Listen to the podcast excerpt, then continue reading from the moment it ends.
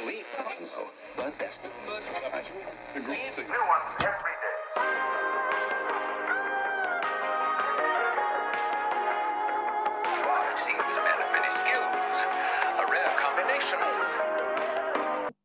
Pelaksanaan Tujuan Pembangunan Berkelanjutan TPB atau Sustainable Development Goals yang biasa kita sebut SDGs telah memasuki tahun kelima semenjak ditetapkan pada bulan September 2015 di dalam sidang umum PBB yang diikuti oleh 159 kepala negara. SDGs menjadi agenda global 2030 yang dilaksanakan oleh seluruh negara di dunia. SDGs tersebut berisikan 17 goals dan 169 target untuk periode pelaksanaan tahun 2015 sampai 2030.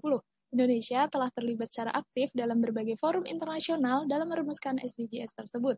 Sejalan dengan perumusan SDGs di tingkat global, Indonesia juga menyusun rencana pembangunan jangka menengah nasional atau RPJMN tahun 2015 sampai 2019 dan 2020 sampai 2024. Ada dua periode sehingga substansi yang terkandung dalam SDGs telah selaras dengan RPJMN yang merupakan penjabaran nawacita sebagai visi misi presiden. Jumlah target SDGs yang telah diintegrasikan dengan RPJMN tahun 2020 sampai 2024 sebanyak 124 target. Hal ini merupakan bentuk komitmen pemerintah dalam mensukseskan pelaksanaan SDGs di Indonesia karena bagi Indonesia melaksanakan SDGs sejatinya adalah melaksanakan agenda pembangunan nasional dan dukungan Indonesia untuk keberhasilan pencapaian agenda 2030 di tingkat global.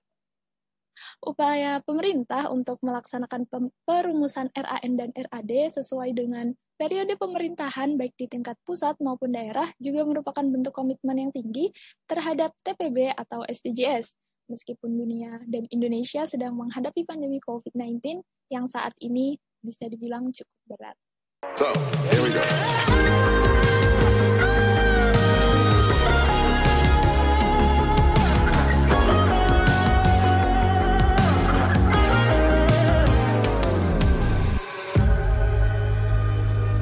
Oke, Assalamualaikum warahmatullahi wabarakatuh. Selamat datang di Cosmic edisi terbaru bersama saya Sasa dan narasumber kita yang kali ini berasal dari departemen sebelah ya, yaitu Mbak Siti Vera Lestari dari Departemen Penalaran dan Lingkungan BMF MIPA UNY 2021. Halo Mbak V, selamat siang. Gimana nih kabarnya? Halo Risa, selamat siang. Alhamdulillah kabarnya baik. Alhamdulillah baik. Oke, awal kan awalnya kaget gak sih Mbak waktu diajakin kolaps tentang SDGs itu? Kaget sih. Pas awal di chat, wah ada kesempatan nih collabs gitu kan. Sebenarnya eh, awal-awal dulu sudah ini sih kayak udah di spill-spill gitu mau ajak collab.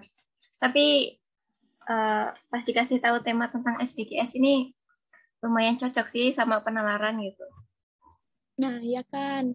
Soalnya apa ya SDGs sendiri itu ternyata banyak gitu anak UN yang khususnya anak MIPA gitu ya yang masih awam tentang SDGs apa sih SDGs kayak gitu Jadi- Iya. kesempatan sih gitu buat kita angkat.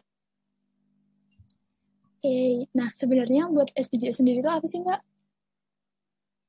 Nah, sebenarnya tuh SDGs tuh udah apa ya, udah banyak dijadikan tema webinar sebenarnya, tema perlombaan gitu. Selama aku dulu di jurusan itu udah beberapa kali SDGs itu dijadikan tema buat perlombaan. Mungkin kurang ini aja ya, eh, bagi teman-teman yang belum belum sering ikut lomba gitu. Nah, kemungkinan besar ya belum tahu tentang SDGs ini. Nah, Nih, setelah uh, beberapa web gitu, beberapa sumber tak baca gitu ya. Nah, SDGs ini atau biasa disebut dengan Nah, ini pembangunan yang menjaga peningkatan kesejahteraan ekonomi masyarakat secara berkelanjutan. Nah, SDGs ini juga ditetapkan pada September 2015 dan sidang umum PBB juga eh, sudah menetapkan ini dengan 159 kepala negara ya dan ini merupakan agenda global sampai 2030. Ah, berarti berkala gitu ya, berjangka. Ya, dan ini sudah lumayan lama gitu. Udah dari 2015 ya, tapi masih banyak yang belum tahu juga ya. Sekarang udah 2021. Iya, udah masuk periode kedua ini. Iya. Dan ini sih dari Indonesia juga mengadopsi itu dengan uh, nama yang lain gitu. Yang hampir mirip yaitu rencana pembangunan jangka menengah nasional. Nah, itu ditetapkannya dari 2020 sampai 2024. Nah, uh, tema-tema perlombaan sama webinar itu juga 2020 itu sudah ada SDGs udah uh, udah banyak dilihat gitu tema-tema perlombaan webinar. Mungkin kurang terkenal aja ya ini ya SDGs ya. Mm -mm. Oke, berarti ini tuh udah jadi rencana gitu ya, udah dari lama sejak 2019 dan sekarang dijadikan apa namanya tadi RPJMN ya berarti? Iya, RPJMN. Hmm, oke, Oke. Nah, kalau substansi atau muatan dari SDG sendiri itu apa sih, Mbak? Substansinya ya, ini sebenarnya itu tuh ada banyak. Uh, mungkin karena kita uh, anak uh, eh, UNY gitu ya, termasuk seorang peserta didik gitu. Ada tentang pendidikan berkualitas. Nah, ini ada banyak sebenarnya tentang SDGs ini. tentang kemiskinan juga, soalnya ini uh, untuk semua kalangan. Nih, ada tentang uh, eh, SDGs ini, komitmen global nasional dalam upaya menyejahterakan masyarakat mencakup 17 tujuan. Main banyak ya. Uh, yang pertama tanpa kemiskinan, tanpa kelaparan, kehidupan sehat dan sejahtera, pendidikan berkualitas. Nah, ini yang Eh, kita soroti ya pendidikan berkualitas. Lalu ada kesetaraan gender, air bersih dan sanitasi layak, energi bersih dan terjangkau, pekerjaan layak dan pertumbuhan ekonomi, ada industri, inovasi, dan infrastruktur, berkurangnya kesenjangan, kota dan permukiman yang berkelanjutan, konsumsi dan produksi yang bertanggung jawab, penanganan perubahan iklim, ekosistem lautan, ekosistem daratan, perdamaian, keadilan, dan kelembagaan yang tangguh, kemitraan untuk mencapai tujuan. Nah, harapannya itu pada tahun 2030 tuh sudah mencakup 17 tadi tuh sudah uh, sudah tuntas gitu. Ah, oke. Okay. Berarti ada 17 goals gitu kan ya. Itu kan cukup banyak ya 17. Tapi kenapa yang relevan sama MIPA juga banyak gitu ya? Ada berapa kira-kira Mbak? 6 atau 7?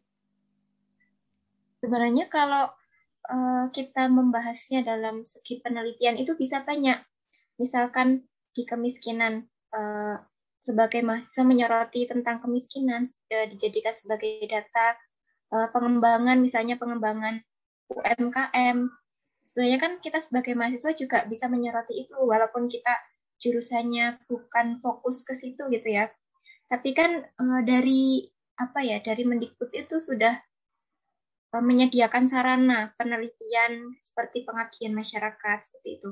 Terus eh, terkait air bersih, sanitasi layak, nih itu juga sebagai mahasiswa juga kita bisa um, menyoroti itu seperti jurusan biologi itu ya. Kalau uh, aku punya beberapa teman yang meneliti air sungai, air laut kayak gitu. Sebenarnya sebagai seorang yang pembelajar gitu ya karena kita sebagai mahasiswa kita banyak bisa menyoroti itu pendidikan berkualitas yang paling penting sih apalagi yang besok lulusannya sebagai guru gitu yang jurusannya lebih ke pendidikan dan itu mungkin yang ini ya kayak infrastruktur itu kalau di MIPA bukan apa ya nggak terlalu gitu ya mungkin di ranahnya sipil gitu. Ada ah. juga konsumsi itu, konsumsi produksi. Kalau uh, di penelitian kan juga ada namanya pemanfaatan, misalnya pemanfaatan suatu tumbuhan untuk mencegah diabetes, uh, mencegah hipertensi. Ya seperti itu sebenarnya sebagai uh, mahasiswa MIPA bisa menyerati banyak hal. Iya benar banget. Apalagi MIPA tuh terkenal dengan titelnya yang calon saintis gitu kan ya, Mbak? Nah iya. Nah, oke. Tapi kenapa ya Mbak kok masih banyak gitu anak MIPA khususnya gitu yang belum tahu? Waktu aku tanyain gitu kan ke teman-teman SDGs nih, emang apa sih SDGs gitu? Nah, itu kira-kira kenapa sih Hmm. Mbak? Eh, ini kali ya. Kemungkinan besar karena fokusannya itu gimana ya bilangnya? Fokusannya itu kurang kurang menyebar dan em, mungkin ini sih fokus fokus belajar, fokus di eh, fokus di kuliahnya, eh, nggak mengeksplor di hal-hal yang lain seperti ada namanya kan pengabdian masyarakat. Sebenarnya banyak kan kayak pengabdian ke Bali, ke Lombok, ke NTT, ke Papua gitu. Sebenarnya kan nanti fokusannya bisa di SDGs kan, Eh, tentang kemiskinan, kelaparan. Biasanya kan kalau ke pengabdian masyarakat gitu, pengabdian seorang mahasiswa keluar kota kayak gitu kan, fokusannya biasanya ke tempat-tempat yang eh, kurang terjangkau pendidikannya, eh, banyak kemiskinan, Eh, mungkin mahasiswanya mahasiswa. Saya sendiri pun juga ini sih kurang tahu banyak gitu tentang SDGs ya karena saya juga eh, kurang membaca ya mungkin kurang membaca dan sebenarnya berpengaruh dalam ini sih ber- berpengaruh ketika kita di sosmed gitu loh. Apa yang kita ikuti misalnya di Instagram kita mengikuti apa-apa seharusnya eh, sebagai mahasiswa tuh mengikuti hal-hal yang sesuai gitu. Misalnya tentang Indonesia mengabdi kayak gitu. Tentang uh, penelitian-penelitian. Nah ini nanti akan banyak ditemui tentang SDGs nah selanjutnya juga tentang webinar. Kemungkinan besar mahasiswa itu termasuk saya ya. Kalau webinar itu kurang aktif kurang uh, apa ya kurang mengikuti. Padahal banyak sekali ya webinar yang ditawarkan banyak sekali info webinar. Dan dari HIMA misalnya dari organisasi Ormawa di sekitar UNY maupun di FIPA itu sebenarnya banyak kan webinar-webinar itu. Tapi uh, sebagai mahasiswa itu kurang memanfaatkan waktu dan kurang mengikuti webinar. Menurut saya itu sih. Jadi banyak mahasiswa yang kurang tahu tentang SDGs Hmm, padahal tuh webinar banyak gitu yang gratis dari mulai yang terdekat kita Hima misalnya BEM atau. UKM kayak gitu kan banyak gitu. Nah, itu dia. Betul. Kayak berarti mungkin kurang literasi gitu ya Mbak ya dari pribadi mereka sendiri. Mhm. daripada kita juga sebenarnya ya Iya, bener banget. kurang membaca Oke, oke. Oh, ini juga sih karena sekarang kan lagi ada ini ya kampus merdeka gitu kan, merdeka pelajar. ya Dan itu bisa dimanfaatkan gitu. Dan iya betul sekali mengacu pada SDGs. Kayak gitu. Oh iya, kalau apa sih implementasi belajar di kampus tuh gimana sih Mbak kira-kira SDGs ini? SDGs eh, di implement- implementasi kita ya Mm, sebenarnya kalau kita sebagai calon pendidik banyak sekali sih tentang pendidikan yang berkualitas itu sebagai seorang guru itu banyak ada namanya maaf ya Oke, oke. kalau ada suara-suara mohon maaf ya Oke, nggak apa-apa, santai. kreativitas seperti itu. Terus critical thinking, komunikasi, kolaborasi, Eh, implementasi kita sebagai pendidik nantinya eh, bisa menjadi ini pribadi yang kreatif gitu ya, mampu mengajar dengan baik, mampu mendidik, dan yang paling penting menurutku ini sih mampu menginspirasi kepada eh, mahasiswa nantinya, kepada mahasiswa maupun kepada siswa-siswa yang akan menjadi anak didik.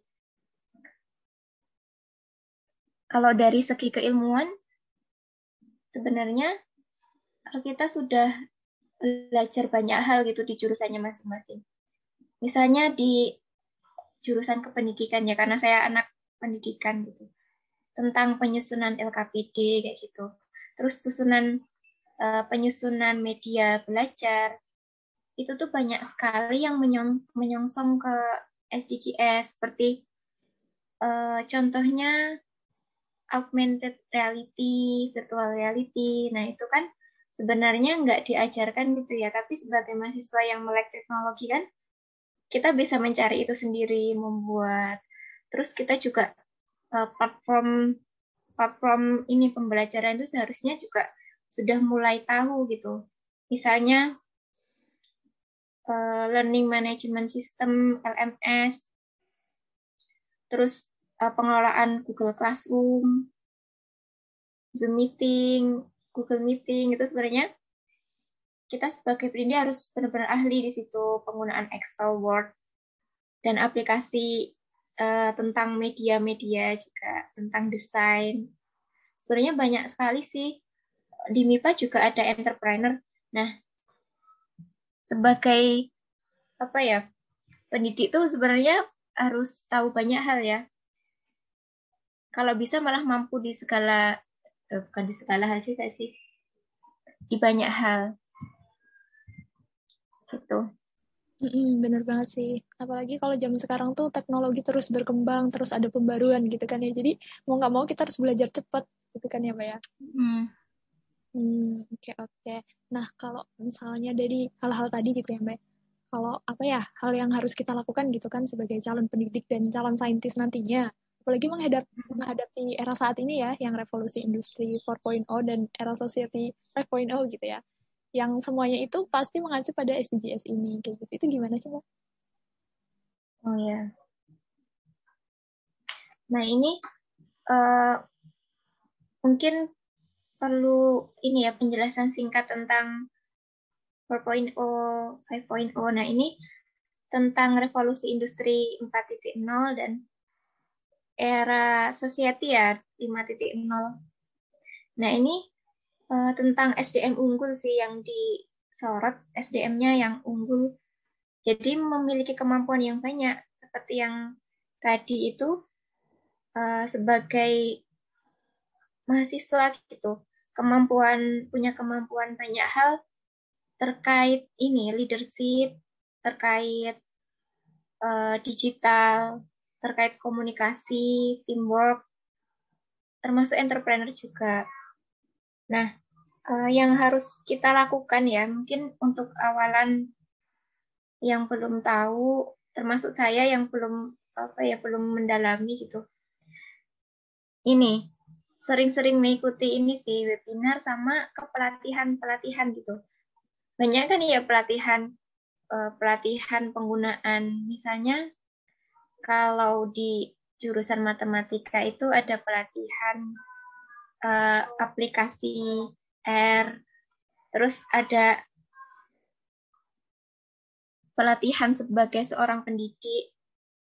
Banyak sih pernah ikut juga dulu di UNY itu ada pelatihan e, menjadi pendidik yang unggul dulu pernah ada, udah pernah dilaksanakan dulu. Tapi ya itu saya melihat dari anak MIPA tuh cuma berapa gitu yang ikut dari mahasiswa banyak kan ya yang sudah menjadi guru padahal uh, kesempatan bagi mahasiswa itu masih banyak. Bener banget. Pelatihan-pelatihan gitu, iya banyak sih mbak. Dan murah gitu ya kalau misalnya pun berbayar. Iya. Bener banget. Dan apa ya, mereka itu biasanya menghadirkan pembicara atau pemateri yang udah expert di bidangnya gitu kan ya. Sayang banget sih yeah. sebenarnya kalau dilewatin. Oke, oke. Nah, itu tadi ya teman-teman ya, yang harus kita lakukan gitu kan, memperbanyak literasi, terus kita harus cepat menyesuaikan diri gitu, terutama terhadap uh, digitalisasi gitu ya, agar kita semua menjadi generasi yang unggul. Oke, uh, Mbak Vera ada pesan gak nih buat teman-teman nih Pak? Pesan apa ya? Ini uh, lebih, apa ya, termasuk saya sendiri ya, uh, karena kita besok di dunia kerja itu CV kayak gitu, kurikulum vitae itu dilihat dan kemampuan kita juga bisa dibuktikan lewat CV gitu ya.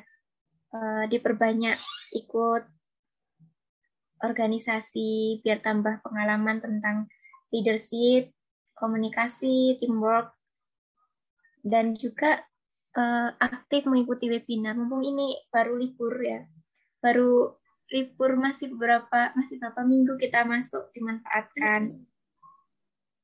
juga ikut kepelatihan, ikut penelitian. Banyak sekali penelitian eh, penelitian dan perlombaan yang ada di Indonesia ya, yang khusus buat mahasiswa pun khusus buat jurusan dan hima-hima juga banyak kan eh banyak uh, event lomba gitu diikuti biar pengalamannya bertambah termasuk saya juga ya ini menasihati saya sendiri juga. Lebih aktif lagi di kalau misalnya teman-teman ikut organisasi aktif di organisasi. Kalau misalnya belum di organisasi ya bisa mengikuti organisasi atau bisa ikut komunitas. Nah Uh, satu lagi juga komunitas ini merupakan penunjang SDGs ya. Jadi semakin banyaknya komunitas uh, komunitas di Indonesia tuh semakin baik gitu. Karena uh, fokusannya bisa menyebar dan mahasiswa bisa fokus ke hal-hal lain. Dan apa ya banyak sekali bantuan yang bisa didapatkan dari komunitas. Apalagi komunitas yang non profit gitu. Iya, gitu. ya intinya lebih dikepoin lagi gitu ya. Hima-hima jurus apa hima-hima dari jurusan UKM terus BEM sendiri pun juga banyak gitu mengadakan kepelatihan webinar gitu ya mbak. Iya lagi benar itu komunitas juga penting gitu teman-teman. Nah ada lagi nggak nih mbak Fe yang mau disampaikan? Hmm apa ya? Singkat banget ini kita kayaknya. Ini ada hal yang penting yang disoroti ketika saya baca beberapa sumber. Itu tantangan revolusi industri 4.0 dan society 5.0 dalam dunia pendidikan ya, nanti teman-teman yang pendidikan ya. Diperlukan kecakapan hidup abad 21 atau dikenal dengan istilah 4C. Yang pertama, creativity, critical thinking, communication, collaboration. Nah, ini guru menjadi pribadi yang kreatif, mampu mengajar dengan baik, mampu mendidik dengan baik, menginspirasi, serta menjadi suri teladan. Nah, eh,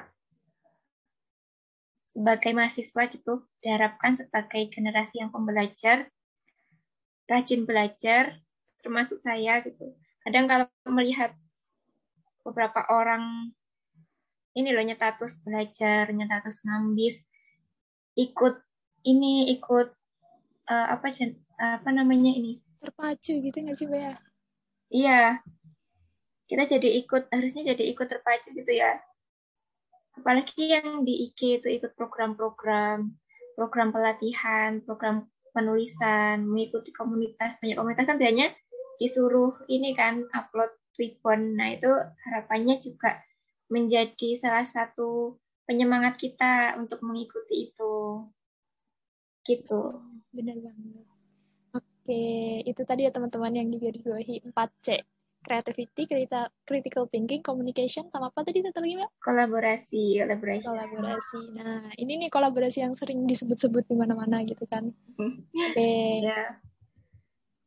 Gimana, Mbak? Ada lagi? Ini sih, semoga ini ya dengan adanya kosmik keempat ini ya uh, teman-teman yang mendengarkan ini semoga termotivasi saya juga yang ngomong seperti ini juga semoga lebih apa ya lebih memanfaatkan waktu lagi dengan sebaik-baiknya. Oke, oke, iya. Karena tantangan yang kita hadapi itu akan besar banget gitu ya ke depannya. Iya, betul.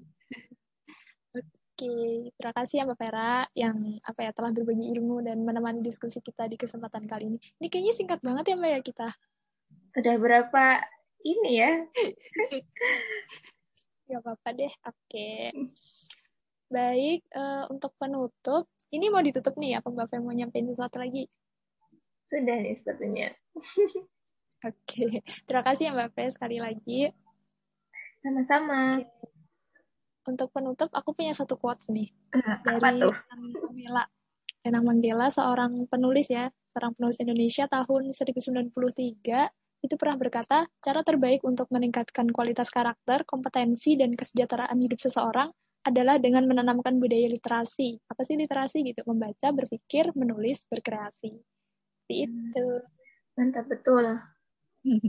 Oke, terima kasih. Saya Sasa dari Sospol UNI 2021. Sampai jumpa di Cosmic edisi selanjutnya. Welcome to